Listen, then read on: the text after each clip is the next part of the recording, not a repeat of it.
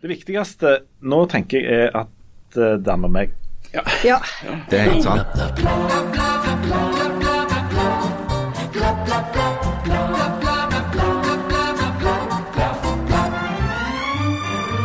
Meg, meg, meg, meg, meg! I dag skal det handle om meg. Hurra! Og litt om Ole Klemetsen, litt om Hallgeir Langeland, litt om rustne menn. Litt om hiphop på Google, Boris Jeltsin som går bananas og Gardermoen som åpnes. Men først og fremst skal det handle om meg, meg, meg, meg, meg. Og litt om Jesus.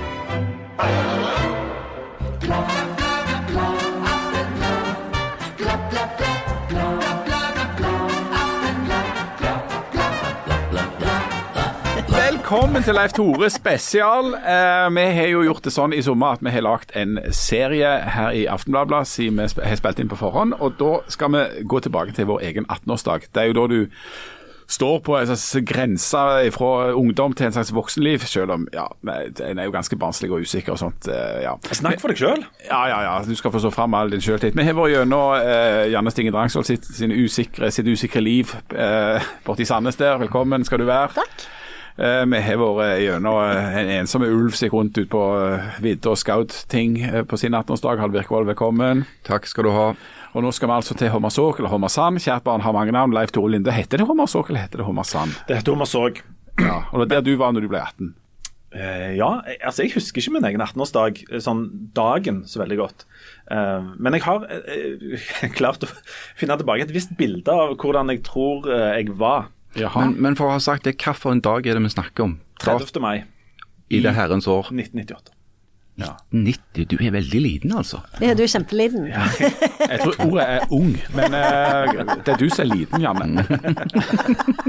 Men, jeg, men når jeg var 18 det, det første jeg tenkte på når jeg skulle prøve å finne ut dette med 18-årsdagen, var at jeg hadde følt meg kolossalt voksen kolossalt lenge. Hvor gammel var du mentalt allerede når du var 18? Greia var at Jeg husker den første 18-årsdagen jeg eh, var med å feire. Da var jeg selv 14. Jeg hadde en kamerat som ble 18, og den dagen jeg, omtrent når jeg ble 14. Så vi hadde en kombinert 14-18-årsdag.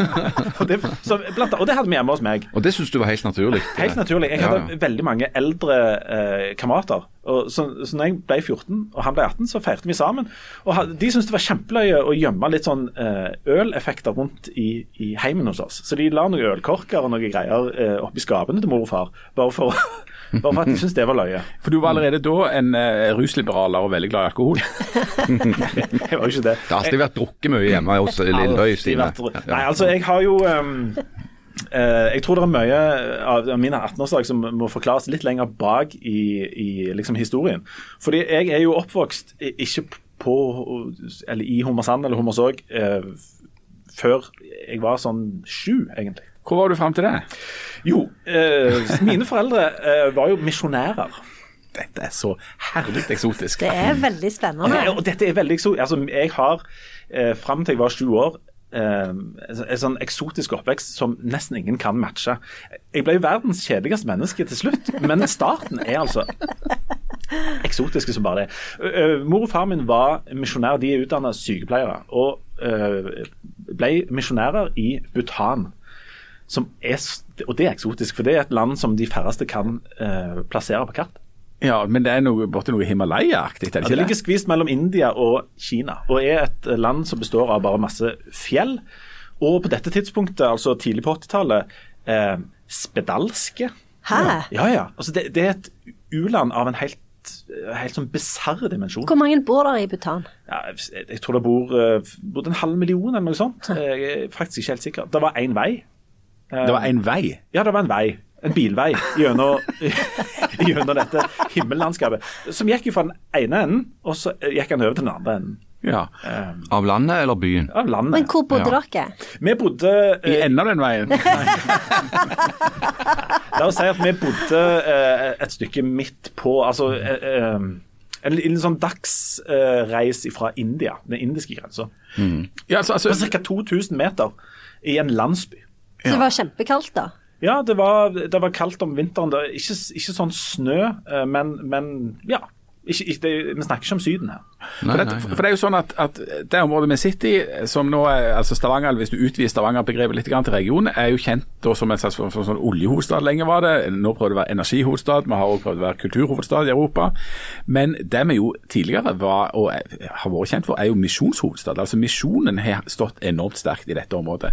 Og Der går dine foreldre og din familie inn, da. Men jeg trodde, altså, jeg trodde det var sånn Kamerun og sånn. Hvordan havna de i Bhutan? Nei, altså Santalmisjonen heter dette. Ja, ok. eh, og, og det var eh, jeg hadde ikke en utgangspunkt i India. Det var, dette Misjonsgreiene fungerer jo sånn at på et eller annet tidspunkt på 1800-tallet så var det en eldre kar som fikk et kall eh, om hvor han skulle reise. Altså Du ber kolossalt til Gud, og så sier han hvor du skal reise hen.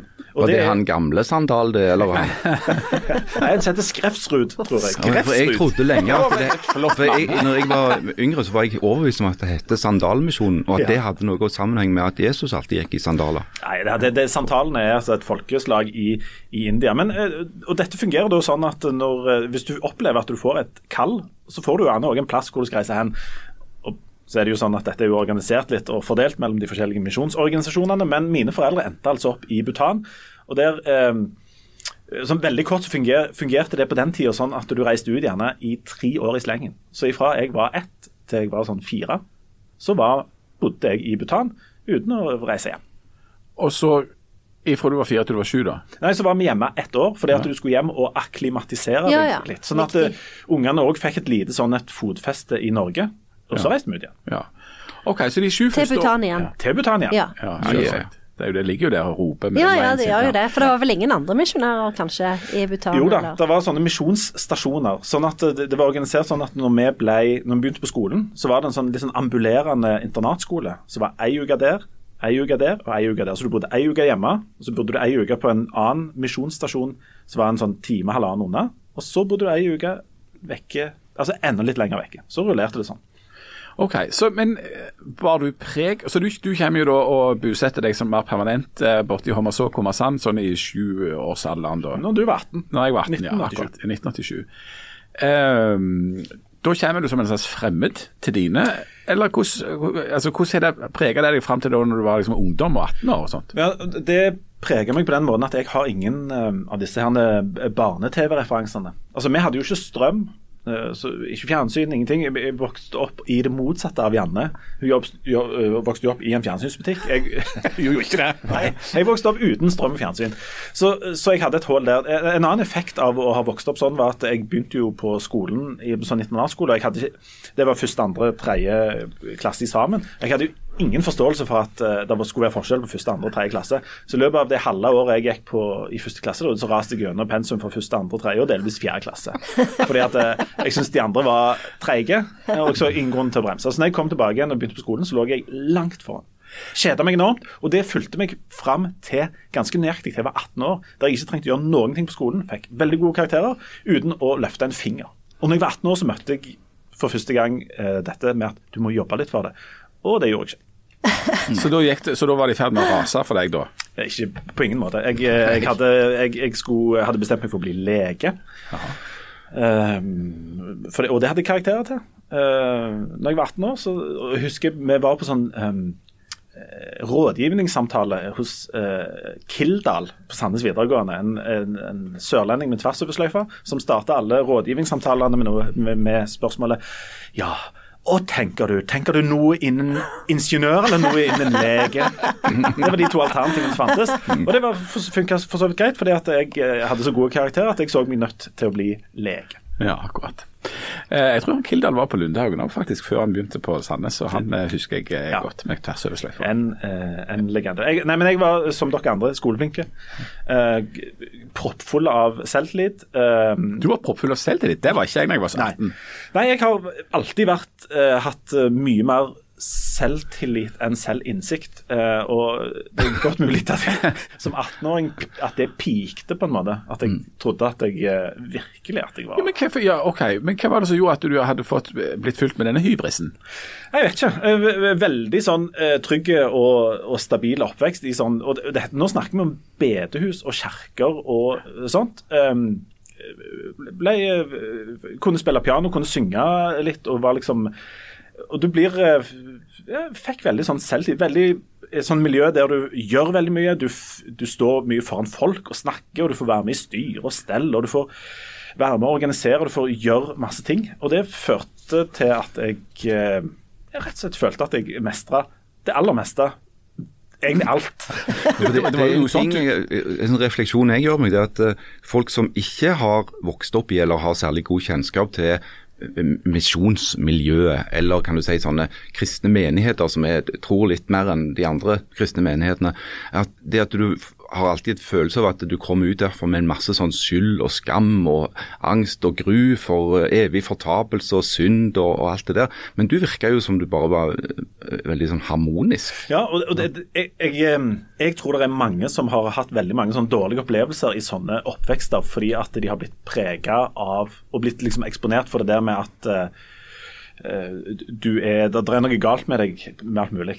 Eh, men den andre sida av den, som, som eh, ikke snakkes om så veldig ofte, det er at eh, sånn som jeg husker det, var det en sånn, en, eh, en sånn jevn strøm av at eh, ja, du er, du er god nok, du kan masse.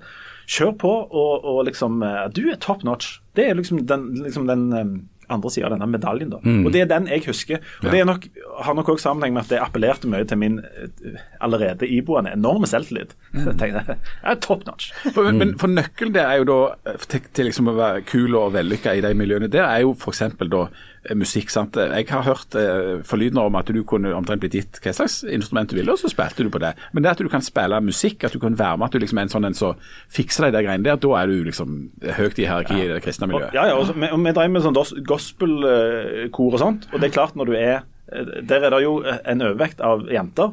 Og eh, du, du, trenger jo ikke være, du trenger jo ikke være rare karen for å få litt sjans, da. Og jeg hadde nok eh, ja, det, det, Du hadde det draget. Ja. Ja. ja det, det var et brukbart utvalg. Åh, fasiken, altså. Ja. Så da kan dere sitte der med den angsten. opportunities, Ja. eh, Jan. Ja. Men Men Janne, snakker Janne, dette høres ut som altså Du var både kristen og, og, og venneløs. Du hadde riktignok funnet han der som skulle bli advokat, men, men, men i ditt verdensbilde, og ifra Sandnes Hvis du hadde truffet 18 år gamle Lindø når, han var, når du selv var 18 år, hadde, eh, var det sånn som var kult, kult for deg òg? Sånn type? Eller, eller var det fremmed for deg selv om du var kristen og angst? Nei, jeg tror nok Jeg syns det virka veldig Det var jo ganske mange som var med i eh, krikk og, og sånn eh, Det var jo eh, der, Krikk? Ja, krikk er jo sånn kristen ungdoms... Kristen idrettskontakt. Ja. Eh, ja jeg, jeg, var, jeg var litt med i krikk selv. out. Selvfølgelig. Ja, eh, og jeg syns at det virka som et veldig fint eh, miljø. Men jeg syns til og med det var litt sånn vanskelig å, å komme inn i. Eh, så, så, så jeg følte den døra var òg litt sånn lukka for meg. Jeg husker jeg hadde en samtale med han ene krikklederen. For jeg, eh, jeg prøvde liksom å strekke litt ut til han, for jeg hadde lyst til at han skulle si at jeg kom garantert ikke til helvete. Men, men det ville han ikke si. Harald, du var jo på god vei til Jeg òg kunne tenkt meg en sånn garanti. ja. men, men altså, du, du sier jo Leif Tore, at det, ok, du var, frem til du var 18 så var det bare i flytsonen. Uh, maks selvtillit, alt gikk av seg sjøl. Og så møtte du eh, virkeligheten i form av at du faktisk måtte gjøre en innsats. Men eh, hvis vi skal være helt ærlige, så har du jo fortsatt ganske bra selvtillit, sånn som jeg ser det. Du har jo ikke noen problemer med å gå inn i omtrent en hvilken som helst situasjon. Nei, nei, bare... nei, nei, nei, og det, det, det, har, det det har vedvart. Og, og det, har, det samme har den der manglende selvinnsikten. Altså egne, eh, Troen på egne begrensninger, f.eks. Eh, og sånt. Jeg, jeg har jo en, hele livet hatt en tendens til bare å si ja, ja, det er litt sånn Pippi-aktig. Selvfølgelig. Jeg er nok sannsynligvis en av de beste i verden til akkurat dette, så det er klart at jeg skal gjøre det. Men det som, det som skjedde når jeg, var, når jeg begynte på videregående, det er jo der du er når du er 18. Begynte på Sandnes videregående skole, der det var et eh, på den tida veldig høyt nivå, altså sånn akademisk nivå. Gikk i, på skole med enormt mange smartfolk. Um, og jeg, den der ulempen med å vokse opp i et litt sånn smalt kristent miljø, er jo at du, du har ikke sett så veldig mye annet av verden. Så når vi, Bortsett fra Bhutan, da. Bortsett fra Bhutan, ja. Jeg har sett en del av verden som aldri Du har kjørt en del på den veien. ja. ja, det var jo den veien vi måtte kjøre på. Men det som jeg, det, det som jeg husker eh, når jeg var, ble sånn 17-18, det var jo at eh, disse som jeg gikk på skole med, begynte å Jeg fikk opp øynene for en del andre ting. Drikking. Ja. Uh, ikke vært veldig mye borti det, for det, det trengte vi jo ikke. Vi hadde det jo så kjekt med oss og Jesus og pinsevennen. Og liksom, Ja, ja, ja. Og ingen grunn til men, men det var jo noe folk holdt med. Politikk. Plutselig oppdaget jeg at det var noe på politikk. Jeg husker på, når vi gikk på skolen der, så plutselig så dukket Gro Harlem Brundtland opp. På skolen? Ja. Helt. Herregud, det må jo ha vært skremmende. Ja. Um, og jeg, jeg vet ikke helt hvor hun, om hun var i WHO eller om hun et, et eller annet. Men da ble det furore, fordi at uh, Og jeg tenkte ja, det er jo stilig. Men da kom det store protester, for var, da skulle folk ha besøk av Carl I. Hagen i friminutter, og Jan P. Syse eller Jan Petersen eller hvem det var. Og det, det var liksom um, uh, første gangen jeg opplevde at det ble liksom diskutert politikk. Um, Sånne ting var veldig annerledes. Og så begynte folk å snakke om karriere. Altså, folk snakket om helt andre ting enn det der litt sånn smale uh, selvtillitsgospelen som jeg var, uh, var vokst opp i. Og det syns jeg var enormt kjekt. Det synes du var Ja, for det høres ut som du har vokst opp litt i ei boble da, faktisk. Eh, både, altså, både, kultur og, og, og familie, egentlig. Og så at, at det å da reise de få kilometerne som er fra Hommersand til Sandnes sentrum, er, blir en sånn øyeåpner. Det kan jo virke skremmende, men det er jo flott hvis det er sånn at det virker interessant og spennende. Men fram til det så hadde du mest vært eh, opptatt av det hinsidige og av det svært lokale. Men nå er på en måte Norge og verden i ferd med å åpne seg. Men det, leste du avisa? Jeg leste avisa og så Dagsrevyen ifra på en måte vi kom til Norge. Um, ja, For du hadde jo litt å oppdatere deg på? Ja, jeg hadde jo gått glipp av en 28 år der så jeg ikke visste noe om noe. Nei, jeg, jeg var sånn som satte meg ned med, med avisen når den kom hjem. Både uh, Aftenbladet og Vårt Land, som selvfølgelig ble lest hjemme hos oss. Og sånn uh, Sandnesposten og Riskaposten var enormt fascinerte av uh, det der med, med liksom nyheter og verden og jeg hadde jo bodd ute i, i verden, så jeg, jeg, jeg, visste jo Jeg var jo hadde blant annet opptatt av, var litt opptatt av sånn kart, finne ut hvor land lå og sånt da jeg var veldig liten. Jeg husker når de andre på Daunakkene i første klasse på Morsåk skulle lære bokstavene og sånt, og jeg kunne alle bokstavene og kunne gangetabellen og hadde lest eh, Kvalas du nå fram til fjerde klasse. Mm. Så for, å, for å, å, å, holde meg i aktivitet, så fikk jeg beskjed av læreren at eh, du kan jo Kanskje du lærer deg så mange land du klarer i Europa til i morgen. Så gikk jeg hjem og lærte alle land i Europa og skrev de ned på kartet. Mm. Mens de andre satt med A, B, C og sånn. Dette er ikke noen ting rart. Jeg gjorde akkurat det samme. Ja, ikke sant? Ja. Ja. Men dere, eh, dere jo, må jo ha vært enormt irriterende unger da, men OK. Ja, ja. ja. jeg, var nok irriterende veslevoksen. Og, og liksom, men, jeg, men, jeg, var opptatt av dette. Og når jeg var, eh, kom da på videregående, så ble jeg enda mer opptatt av hva det var som skjedde Eh, skjedde rundt meg. Eh, for du, på et eller annet tidspunkt så begynner du også å se litt utover deg sjøl. Ja, det er akkurat det. Jeg hadde jo sittet mye innover meg, ja, ja, ja. meg sjøl. Har du sittet veldig mye innover deg sjøl og hadde ikke funnet noen ting? Altså null sjølinnsikt? Ja, han hadde sittet innover seg sjøl og likte det han så. Ja, ja, ja. ja, Og så ikke så nøye Det var faktisk sånn. Men hvis vi nå skal bevege oss til avisenes verden og ta en kikk på lørdag den 30. mai 1998 som da er et slags speil av eh, verden, og både lokalt, regionalt og internasjonalt. og internasjonalt. Stavanger Aftenblad. Hva, eh, den, den, venter du tilbake og, og, har lest nå. Hva slår deg med den dagen? Det slår meg at det første som slår meg ganske bokstavelig talt, er jo et stort bilde av Ole Klemetsen. Yes. Eh, fordi at Ole Klemetsen, Denne dagen så taper han denne VM-kampen mot Reggie Johnson eh, nede i Italia. Eh, og det husker jeg at det var mye snakk om Ole Klemetsen. Han var svære på den tida, vet du. Han var svære. Mm. Kolossalt svære. Og da mener jeg ikke bare fysisk, men altså, han var jo et uh, rikskjendis. Ja. Og en av de Vi hadde ikke så Vi vasste jo ikke i sånne idrettshelter, så vidt jeg husker. Det var, det var noen, men Ole Klemetsen var så store at jeg husker òg ryktene på en måte om Ole Klemetsen og hvem han var, hva han gjorde, og hva denne familien egentlig holdt på med. var helt sånn... Eh, det var noen som hadde sett han i Stavanger sentrum. Ja, der var han både titt og ofte. I skjørt. I skjørt? Han gikk med en omslagskjole, ble det sagt. Jeg tror det var snakk om en kilt. Ja, altså, jeg hørte omslagskjole, og jeg hørte at han ble eh, trua med bank pga. denne kjolen. Eh, når de så det er ikke han... så veldig smart å true Ole Klemetsen med bank. Nei, det var, når de så han bakfra. Og så ja. han snudde seg, så, så, ombestemte de seg for dette med bank, ja. og ga han masse komplimenter. for en voldsomt flott kjole. Smart. Veldig smart. Men det er jo sant, det er jo en refleksjon da av at det er veldig sjeldent egentlig at Norge byr på superidrettsstjerner i svære idretter som er noe annet enn å gå på ski. Eh, altså, Boksing er jo ikke en norsk idrett. Her var det, altså, det har jo vært noen veldig veldig få, og her hadde vi da en fra vårt eget distrikt og vår egen, vårt eget område med en ganske sånn fargerik familie. Team Klemetsen, sant? altså litt av en gjeng. Superstjerne, superinteresse rundt det, og litt sånn stolthet. Igjen, han spol fram noen år. Nå er det liksom Ingebrigtsen. Team Ingebrigtsen. Team Ingebrigtsen, sant, alt det greiene der. Eh, det, det, det, kommer ikke hvert år at vi har den typen stjerner, men her er det Ole Klemetsen. Og, og jeg var jo også selvfølgelig opptatt av jeg, jeg alltid vært veldig fotballinteresserte. Uh, og det, dette er jo òg det året uh, Norge skal spille uh, VM i fotball i Frankrike. Og det er annonser i aviser for uh, parabolantenner, sånn at du kan få sett alle VM-kampene. Mm. og det er også en, og parabolantenne. Don't oh. get me started. Altså, jo, det var igjen. så vanskelig å få stilt inn de der dumme parabolantennene.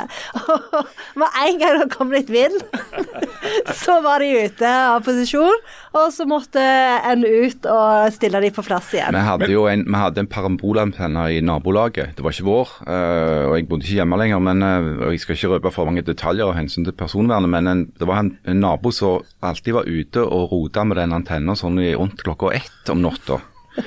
For, for, den, for, da var det noe viktig han skulle se på parabolen. Ja. Eh, så da gjaldt det å få, få stilt han skikkelig inn. Men ja. stilte han inn sjøl? Ja, han, han, bodde naturlig nok alene. Jeg tror han hadde sterk motivasjon. Han hadde en veldig sterk motivasjon for å få TV-en til å virke akkurat rundt klokka ett om natta. Ja. Altså, vi hadde, vi hadde, ikke sånn eh, parabol og masse sånn kanaler sånn i min oppvekst, men jeg husker jeg kan ikke si utlevere far min. Et, når vi skulle bygge garasje, så, så han var nokså sånn selvhjulpen når det gjaldt graving og sånt. Og bare, ja. Men når han gravde opp der, så, vis, så lå det en ledning der, der som ble kappa av. Så han bare støypt, støypt igjen etterpå. Det viste seg å være ka kabelfjernsynet til hele nabolaget. Og det førte til at naboen min Kjartan trua meg med bank.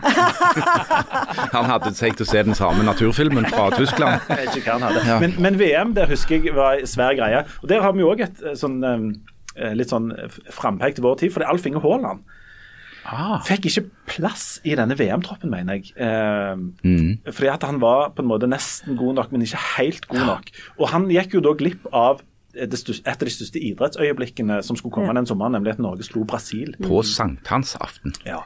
Det, det, var helt fantastisk. Ja, det husker jeg. Eh, altså jeg, jeg, jeg, hadde vondt altså, hvor, var du når den kampen ble spilt? Jeg tror jeg var hjemme og så den kampen faktisk nokså alene. Og, men jeg husker følelsen etterpå uh, var en sånn Dette kan jo ikke ha skjedd. Altså, jeg, på et eller annet tidspunkt våkner jeg nå. Fordi at det var, Skal jeg fortelle hvor jeg var? Ja. Jeg var på bakrommet Nei, jeg var ikke på fjellet. Jeg var på bakrommet på Sementen. Eh, det som er nå er vel en del av GNU, tror jeg, oppe på GNU. Det var bakrommet på Sementen. og Der hadde de rigget seg opp med storskjerm og stoler. Eh, og Der inne var det jo sterkt mørkt og ikke vinduer i rommet engang.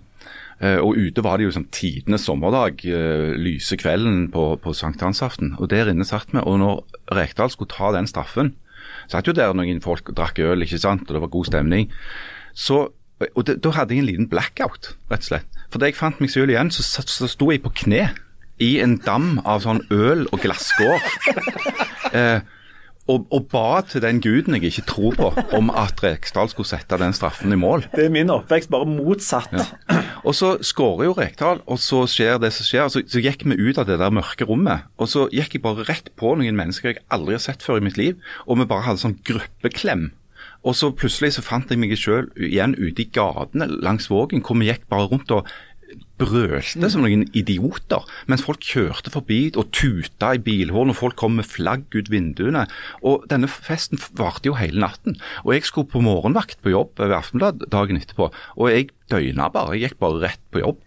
Ja, for det, Vi snakket jo eh, i en tidligere episode om når Norge vant eh, Melodi Grand Prix med Bobby Socks. Og jeg tenker det er de to store eh, kulturelle hendelsene ja, som har skjedd. Hvor folk bare sprunget ut av huset og oppført seg som om de var i Syden. Ja, og vi, ja. vi bodde i Bergen, midt i Bergen sentrum.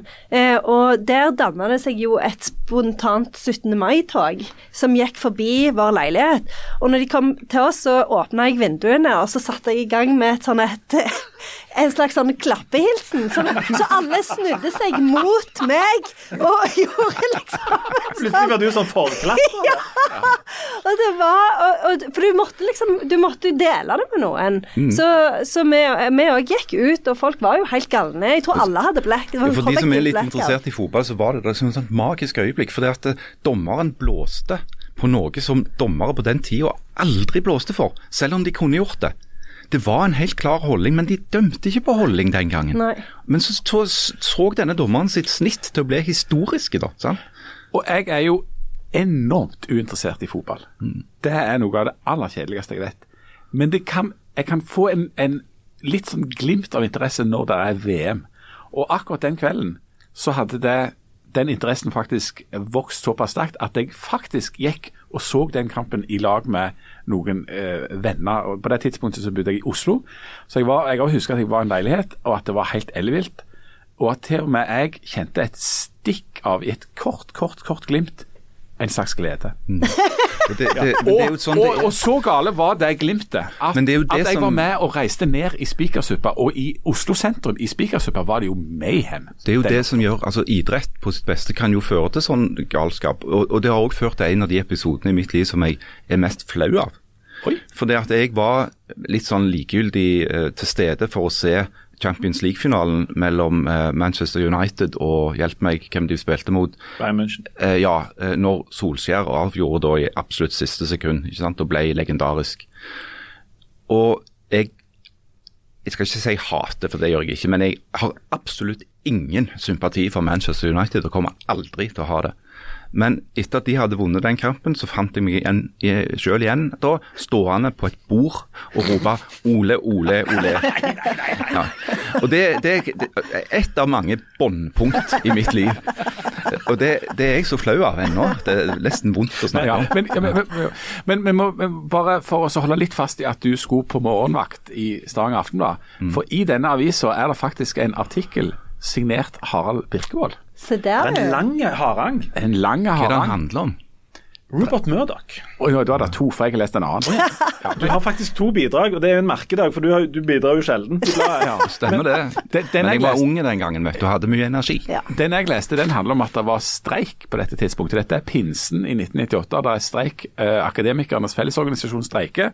Og du har vært på et eller annet skattekontor og intervjua noen som skal ta seg av skatten. Mm. Eh, så der bidrar du. Så du skulle sannsynligvis skrive et eller annet om streik dagen etterpå. Det. bakfotle og Og jeg husker Når du sier det, så husker jeg nå ganske godt den der, for det var en sånn lang feature jeg skrev om uh, Rupert Murdoch og hans uh, Ondskapens imperium. Mm. Uh, det viste seg å være en profetisk artikkel. også. Det er han, og så er han, i, i, holder du jo den stilen som du har nå, men at du, du går inn i noe tungt stoff, og så gjør du det helt ugjennomtrengelig og kjedelig. Så det syns jeg du klarer bra. Ellers la jeg merke til i avisa at det er på, på framsida der, så er det, der, der er dette med streik, og så er det et par andre ting som Altså, der er en liten sånn henvisning til at dette med klimapolitikk kan bli veldig dyrt. Ja, Det kan bli veldig dyrt, ja. Og det, jeg, jeg husker at um, at på dette tidspunktet så var det, begynte det virkelig å bli snakk om sånn Ikke bare eh, miljøvern, altså at, eh, eh, at vi, vi ikke måtte hive oljetønnene rett ned i havet, for da ble det veldig mye olje der. Men at det ble snakk om klima. Og Det husker jeg var en greie når jeg gikk på videregående, at det var noen som begynte å få sånn, eh, litt sånn angstaktig forhold til klima, og som påsto at det kom til å bli mye varmere og våtere og sånt i framtida. Dette var jo bare et par år før det første store klimamøtet, som vel var i 99 eller 2000. Ja. Ja. Og det, står, og det står om CO2-fangst og det står om, om et, dette oljefondet som kan bli mye mindre fordi at det blir mye mer komplisert enn man må fange CO2 og det er noen mål der. Så det er òg gjennom hele denne serien vi har hatt, så er jo klima og miljø og olje har jo ligget der hele tida og båret preg, eh, altså preget avisa faktisk, eh, uten at det var helt avklart da. Og det er ikke helt avklart nå. Jeg, ta jeg tror vi skal ta en liten pause, og når vi vender tilbake, så skal vi bl.a. Eh, møte på ironien. Oi, tidsalder. det er spennende. Oi, oi, oi. Kort eh, pause, så er vi straks tilbake.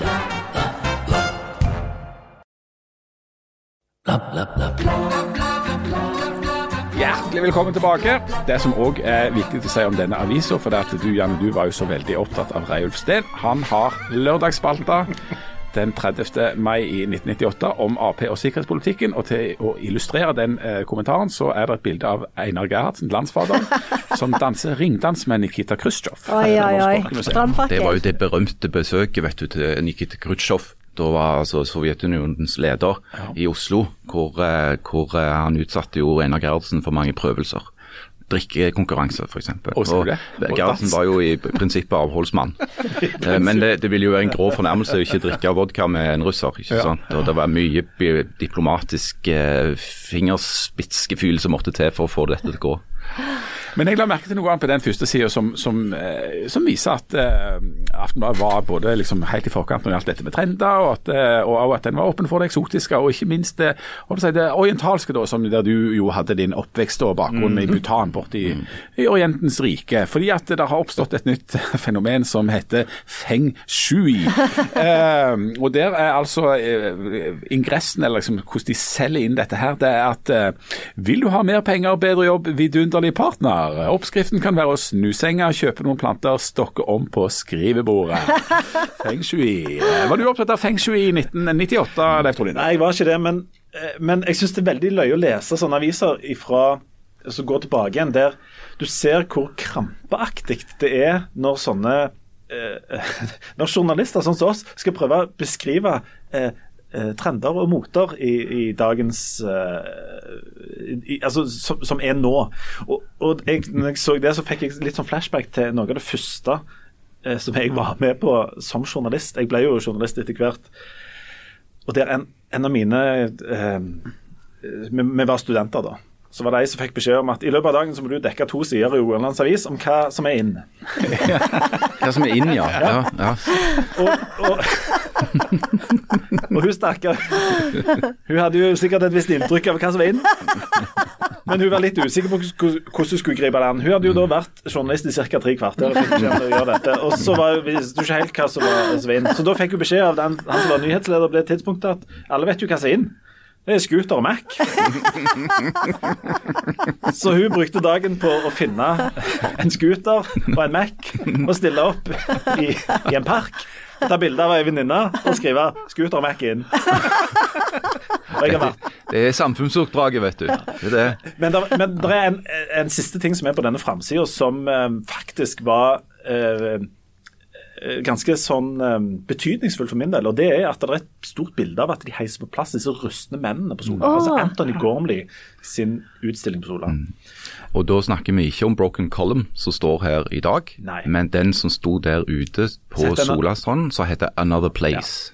Og Det, er jo det er jo de, til forveksling de samme figurene. altså Det er jo, han, Det er jo bare han sjøl. Avstøpning av han sjøl, men, eh, men den heiser de på plass. Men dere som bor knodete til i Oslo eller andre plasser, eh, vet ikke om dere sitter, men dette er altså statu fullvoksne eller statuer i reell mannestørrelse, eller hen-størrelse, som, står- som ble plassert i altså i sand, sand, på vei ut i havet. Ja, og delvis ute i sjøen òg. De begynte faktisk inne på flyplassområdet bak gjerdet, om den rullebanen som går fra øst til vest.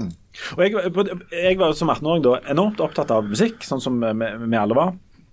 Uh, men jeg hadde ikke, og hadde lest ganske mye bøker og sånt, men ikke sånn Harald Birkevold og, og, og Janne-nivå. Men jeg hadde nok ikke noen sånn kunstinteresse i det hele tatt.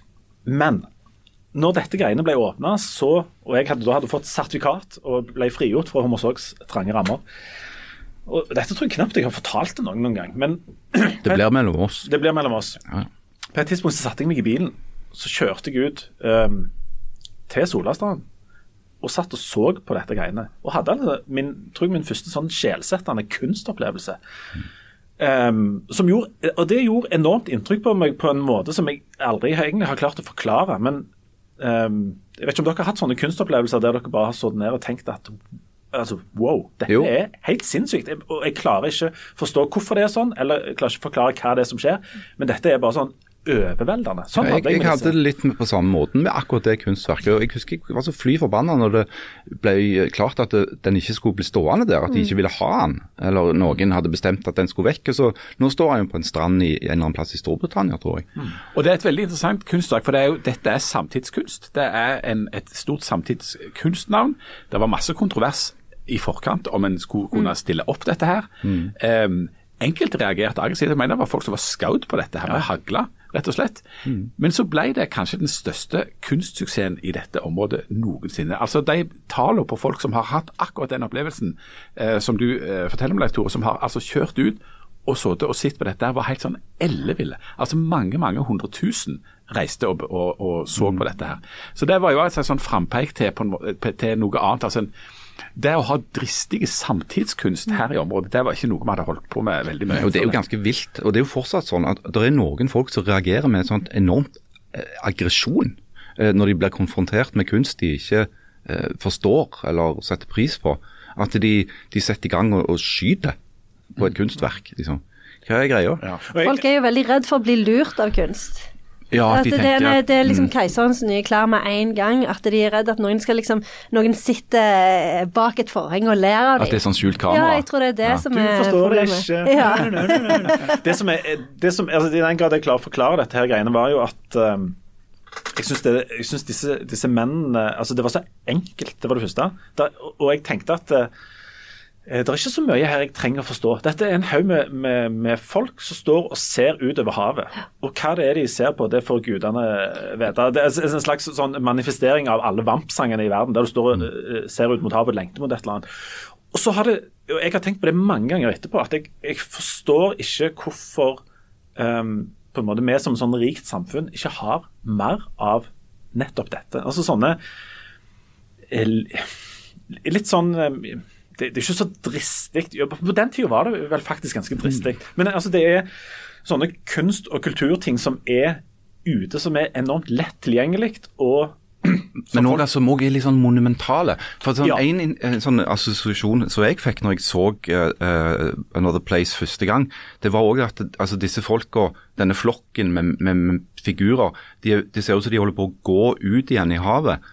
Uh, nesten som sånn zombier, på en måte. Men òg noe med at vi liksom vender tilbake til havet. liksom At det er en slags undergangsgreie. Vi har kommet opp en gang for mange millioner år, og nå er vi på vei ned igjen. Uh, Så det var et eller annet sånt, litt sånn skremmende og dystert med det òg. Men jeg syns, fortsatt at jeg er litt, fortsatt litt sint for at ikke den ble stående. Og for, og for min del så førte jo dette til at jeg syntes det var enormt fascinerende med kunst som, var, som sto tilgjengelig. Altså Jeg hadde jo ikke drevet trødd noen sånn kunstgalleri og sånt. Jeg var, husker jeg var innom Stavanger kunstmuseum og fikk den der, den der klaustrofobiske følelsen av at noen som var mye mye smartere enn meg, som jeg jo ikke visste, trodde, trodde ikke det var sånne folk, men uh, på dette området så var det åpenbart det, hadde, hadde lagd noe, og så skulle de se om jeg klarte liksom å holde fulle med dem. Som jeg syntes var enormt sånn skuffende. Jeg så på, Det var tror jeg det var sånn Hertevig-bilder og litt sånn ymse og diverse som jeg ikke forsto så mye på. Og så var det innendørs, under tak, og så følte jeg at noen liksom kikket på meg og sånn. Men, men, men det, var, ikke sånn at du på dette tidspunktet tenkte hm, kulturjournalist, jeg dropper dette legegreiene. Ikke helt tatt, men jeg hadde begynt å innse at jeg aldri kom til å bli lege, fordi at jeg, hadde, jeg likte ikke syke folk. Nei, ok. Ja, Var det det som gjorde at du ombestemte deg? helt konkret. Kunne blitt patolog, da. Ja, men jeg likte ikke syke folk, inkludert meg sjøl. Um, jeg, jeg var ikke mye syk og sånt, men jeg likte ikke meg sjøl. Og jeg mente på dette tidspunktet at alle som er syke, bare burde ta seg sammen. Ja. Det, jeg tror ikke det Det hadde vært mener du vel for så vidt fortsatt? Ja, for så vidt. Ja. Men jeg tror ikke jeg hadde blitt noen sånn voldsomt god fastlege. Nei. Men hvis vi nå skal vende over til det som der du har endt opp, da. Um, så eh, er jo det på kultursiden. Der er det jo et helsides intervju med eh, et band som Janne snakket om i eh, sin spesial, nemlig Modesty Blaze Oi! fra Sandnes. Ja, ja, ja. Eh, PT Johansen. Det som er litt interessant, er at de har da tydeligvis altså du, Når du snakket om dem, så var det jo at de skulle gjøre det stort i et eller annet eh, Ja, De var nummer ni på indie-lista i Italia. ja, det kan ikke ha hjulpet stort, for det viste seg at de hadde gått aldeles i dvale, og det hadde ikke skjedd noe. Nå er det helsing om at de skal gjøre comeback, men bare for en kveld skal spille én konsert på Checkpoint Charlie. Det er det helsing Ja, om. men eksklusivitet, vet du. Ja, veldig eksklusivitet. Og så er det ei, så er det ei spalte på sida der eh, av en som heter Knut Rostad, som senere ville hente opp i Equinor, eh, som jeg eh, sympatiserte voldsomt med. Han lurte på om det ikke skulle bli en renessanse for heavy igjen eh, snart. Ja, det må vi jo For bare for det er Knut, hvis du hører på, det tror jeg han gjør av og til, Ja. han, han var jo han var en av din flokk. Ja, altså. Knut var og er en sterk tilhenger av bluesbasert heavy med relativt tunge riff. Ja, for han, han konstaterte at alle andre sjangere de fikk sin renessanse, men, men, men eh, vi som hadde gått rundt med Yngvi Malmsten på, på ryggen og, og, og, og sånt, får aldri noen ting. Det kommer aldri noe mer om Accept eller om eh, Dio eller noe sånt. Ja. Men, men, men det som er eh, kanskje vel så interessant hvis jeg skal snakke om noen slags fenomen, det er en liten setning som står i et stort intervju med Kenneth Sivertsen. Kenneth Sivertsen han var på det tidspunktet veldig kjent, men òg egentlig da det var mye styr rundt han. Og Noe av det som det hadde blitt absolutt mest styr rundt, det var at han var med i Åpen post på NRK. Der han på et visst tidspunkt reiste seg opp og slo til Bård Tufte Johansen. I Bård Tufte, ja, ja, Åpen post. Og, og det tenkte jeg at en, en slags inngang til noe som jo preger 90-tallet. og som altså 90-tallet er mitt tiår, egentlig. Det var da jeg blomstra sjøl, så dette kjenner jeg meg veldig godt igjen. Jeg er ekstremt prega av det tiåret. Både den optimismen som ligger der etter murens fall, før 11.9. Og framfor alt det som Åpen Post og Bård Tufte Johansen var de, store eksponentene for, og som du, Leif Tore Linde, òg bærer et visst preg av, ironien. Dette er jo ironiens tiår. Og Kenneth Sivertsen behersker ikke ironien, Nei. og slo. Og jeg tror, jeg tror det stemmer. Jeg tror jeg er som litt sånn sein 90-talls uh, ungdom. Jeg tror jeg er enda mer prega av det kanskje enn du er. Eh, og for jeg, Åpen Post og Bård Tufte Johansen og Harald Eia var eh, I tillegg til Monty Python, som på en måte gjorde mye galskap lenge før disse, så var det det var så løye og befriende mye av det de gjorde, at jeg visste nesten ikke hvilket bein jeg skulle stå på. Um, Det er fortsatt forferdelig løye. ekstremt løye. Og jeg, jeg klarer ikke å finne noe i verden som ikke er forklart i en åpen post eller Bård Tufte Johansen og Harald Eia-sketsj. Og det som, jeg, eh, det som jeg tror jeg elsket så høyt med dem, det var at de, de tok ingenting seriøst. Altså Du kunne kødde med alt, og alt kunne uh, les av. og Det var, det fantes ikke noe som heter høytidelig uh, der. Og i sånn kristne miljøer, f.eks., der er det mye høytidelig. Oh, ja. Men vi var, vi og de, de, de som jeg var sammen med, hadde en blanding av og Dette høres ufyselig ut. Litt sånn eh, gospelkristenaktig og sånn åpen postaktig holdning til livet. Vi, eh, egentlig dreid i det aller, aller meste, og bare holdt på med ting og syntes det var løye. Altså, Hvis vi likte det, så bare gjorde vi det. Um, og, og, og altså Harald Eia særlig, som kombinerte en del sånn skarpe observasjoner med rett og slett tant og fjas. Fantastisk. Og, og Hvis vi skal sette det litt i kontekst med, med de episodene vi har hatt som handler om 80-tallet, som altså er Harald og meg, og kanskje litt tidlig 90-tallet, og før på en måte ironien har gjort sitt inntog, så er det interessant å ha hørt Harald Eia sine egne analyser av hvorfor de gjorde dette. her. For det er jo et opprør mot det kjedelige. Det er en protest mot enkanalsystemet med NRK, altså at du blir fôret med at alt Dette er det dere får, ingenting å velge i, og det er kjempehøytidelig. Dette er Opprøret består av tull og tøys, av at det ikke eh, at, du, at du roter og tuller med alt. Og det er så enormt befriende. Det føltes så ekstremt befriende i hodet. og Og det er en, Ja, og det begynte jo allerede med U Natt. Altså, jeg bare husker når U Natt kom, eh, hvor enormt revolusjonerende det var å, se liksom noen som var på vår alder, som, som tulla med alt, og som, som, som gjorde ting gøyere. Det var, og det, da var jo Jeg husker Bård Tufte Johansen var jo med det der monokameraet sitt og drev og intervjua sånn Harald Heide Steen, og de var jo helt sånn Hva er det som skjer? Dette er jo ikke humor. Så den der kollisjonen mellom det gamle og det nye der, den var jo helt Jeg husker jo det, det påtagelig. lå den re- reaksjonen fra de som hadde hatt monopol for å være løgne i dette landet, sånn som Rolf Wesenlund og, uh, gjeng. og det var sånn, Dette er ikke morsomt. Det, det går ikke an å tøyse med sånt. Altså Det som var morsomt, var hvis du liksom hadde på deg en rar hatt og snufla i noe. Det var morsomt. sant? Eller at du lot som du var full. Det var morsomt. Men det er morsomt. Ja, det er jo Ja, morsomt. det er da, morsomt. sant? Og jeg, det, Dette skulle føre til et, som en slags frampek til meg og tid, eh, for, for å ha litt Jan spesial i et par setninger nå her. Den første teksten jeg hadde på trykk i en nasjonal avis, var en kronikk jeg sendte til Dagbladet. Som kom etter kyllingstuntet til eh, Bård Tufte og de, og der det var masse kritikk mot dem. Og der tittelen min var, som jeg fremdeles er eh, stolt av, 'Den som ler sist, er best'. Der poenget var nettopp det at dette roter med det der gamle bildet av hva eh, humor skal være og, og, og hvordan vi skal holde på. Eh, det er meninga at den gamle generasjonen skal synes det er usmakelig og ikke forstå helt hva det er for noe. For nå kommer de unge, nå kommer de nye, nå kommer den nye tidsånden. Eh, move over. Mm. Uh, uh, så kan vi diskutere hvor vi er nå hen da. Nå kommer det. Ja. Men, men, ja. Ja, men, men det der Og jeg har jo jeg, har jo ikke problemer i livet mitt, men jeg har ett som jeg, som jeg er i ferd med å på en måte gro veldig inn i. Og det, og det, det er et reelt og, og vanskelig problem for meg. Og det er at jeg er oppvokst i denne 90-talls eh, ironigenerasjonen der du kødder med alt. Eksempel husker jeg at, du, at eh, denne Bård Tufte Harald Eia-generasjonen f.eks.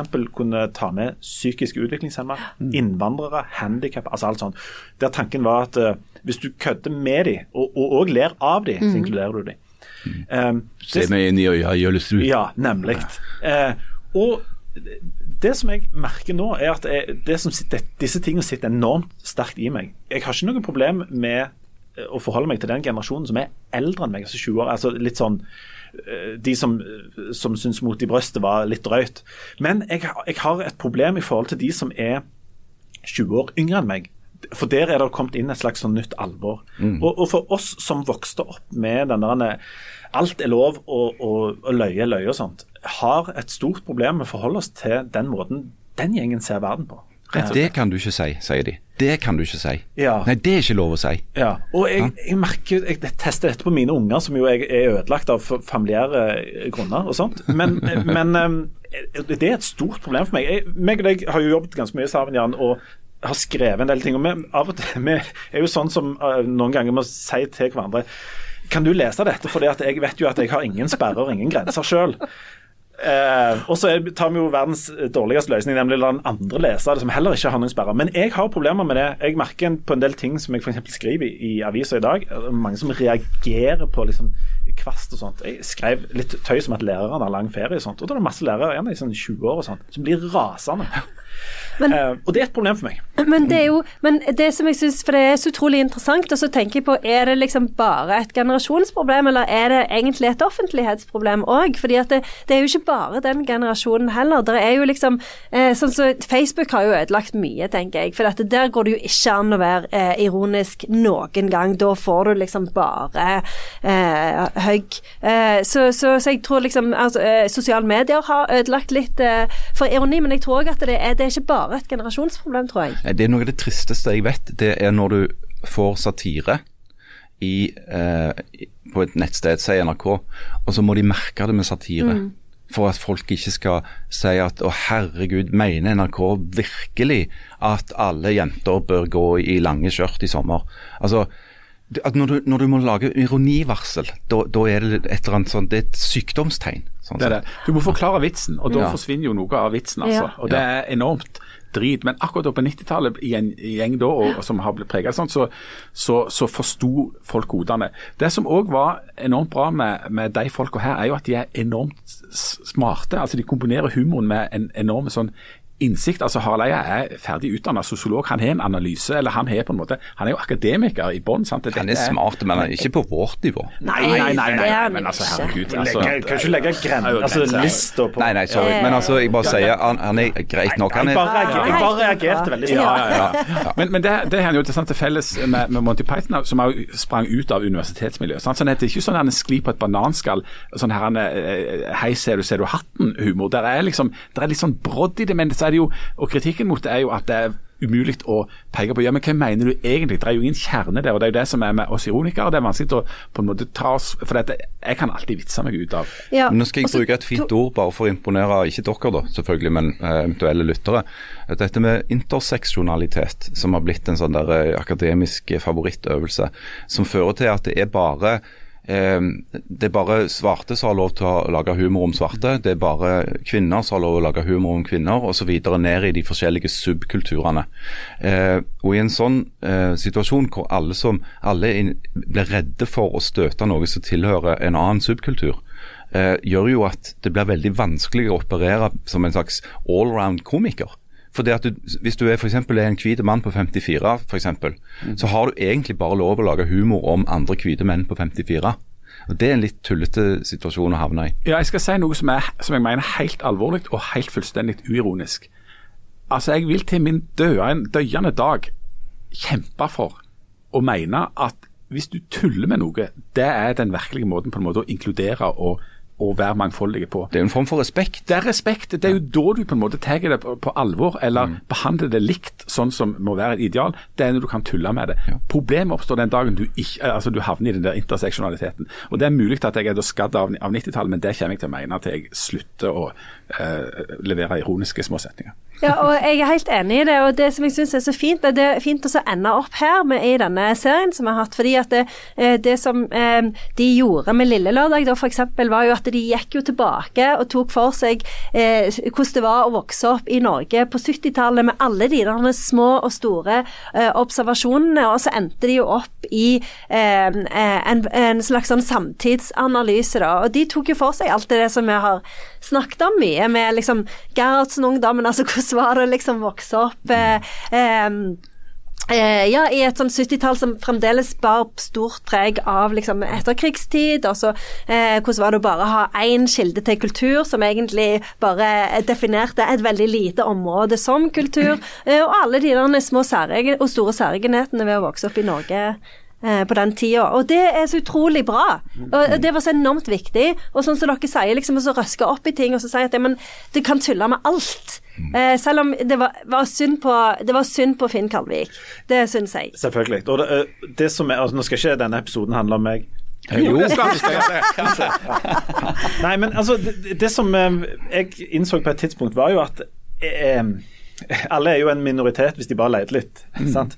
Um, men jeg, jeg, er jo en slags uh, minoritet. Um, du er jo klassisk minoritet. Ja. Viste, viste seg at jeg jo ikke alle var sånn uh, gladkristne selvtillitsjunkier uh, og sånn som jeg var. Men jeg um, jeg håper jo at altså Jeg vil at folk skal kødde med den lille fliken av virkeligheten som jeg tilhører, som ikke de fleste tilhører. Nemlig de med litt vaklende gudstro og, og, sånne ting.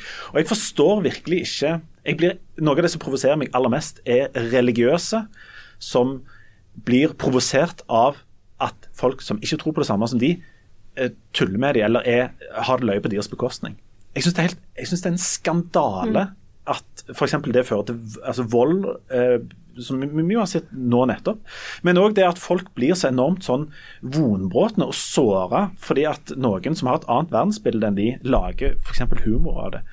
Um, jeg syns det er dødsløye når folk eh, altså, jeg, eh, min, min, min, egentlige favorittidrett er jo uh, Bibel- og, og, og Jesushumor. Og jeg, jeg må jo bite meg i leppa så mange ganger når jeg er på sånne samlinger og sånn, fordi jeg har lyst til å si ting som folk hadde reagert så sinnssykt på. Men hvis, er, hvis du skulle hatt en kampsak i livet, så er, mener jo jeg det er å bevege seg på en sånn nesten fornærmende grense overfor alt alle. Og jeg, jeg, sliter med at det blir mindre og mindre plass i liksom, samfunnet rundt meg for akkurat det der. Igjen. Det er jo noe av det som jeg syns er aller, aller mest skremmende med en del eh, ekstreme religiøse religiøse ideologier, om det er snakk om radikal eller veldig konservativ islam, eller kristendom eller jødedom, eller hva det måtte være, det er at du ser nesten aldri noen av disse mullaene eller prestene eller hva de er for noe, smile.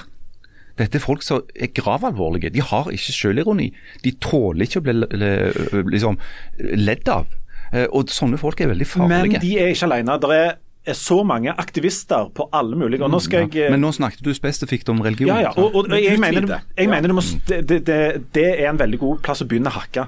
Og så syns jeg at eh, eh, hele denne regnbue- og skeivebevegelsen jeg ser ikke veldig mye og Jeg skjønner at dette er alvorlig, og sånt, men jeg ser ikke veldig mye humør og på en måte selvironi der. Det er, er noen, men, men jeg syns det mangler der. Og jeg syns det mangler i det mangler overalt. Eh, folk tar seg selv så høytidelig. Altså, jeg syns at liksom, samtida vår eh, blir mer og mer sånn eh, tilbake igjen til før eh, Galileo Galilei, og at mer og mer kretser rundt meg og mitt, og det smaleste i mitt liv. Mm. Mm. Og det tror jeg en, Jeg synes det er en veldig, er veldig trist, trist, utvikling, og jeg, jeg tror det òg er potensielt farlig, fordi at alt blir så enormt touchy.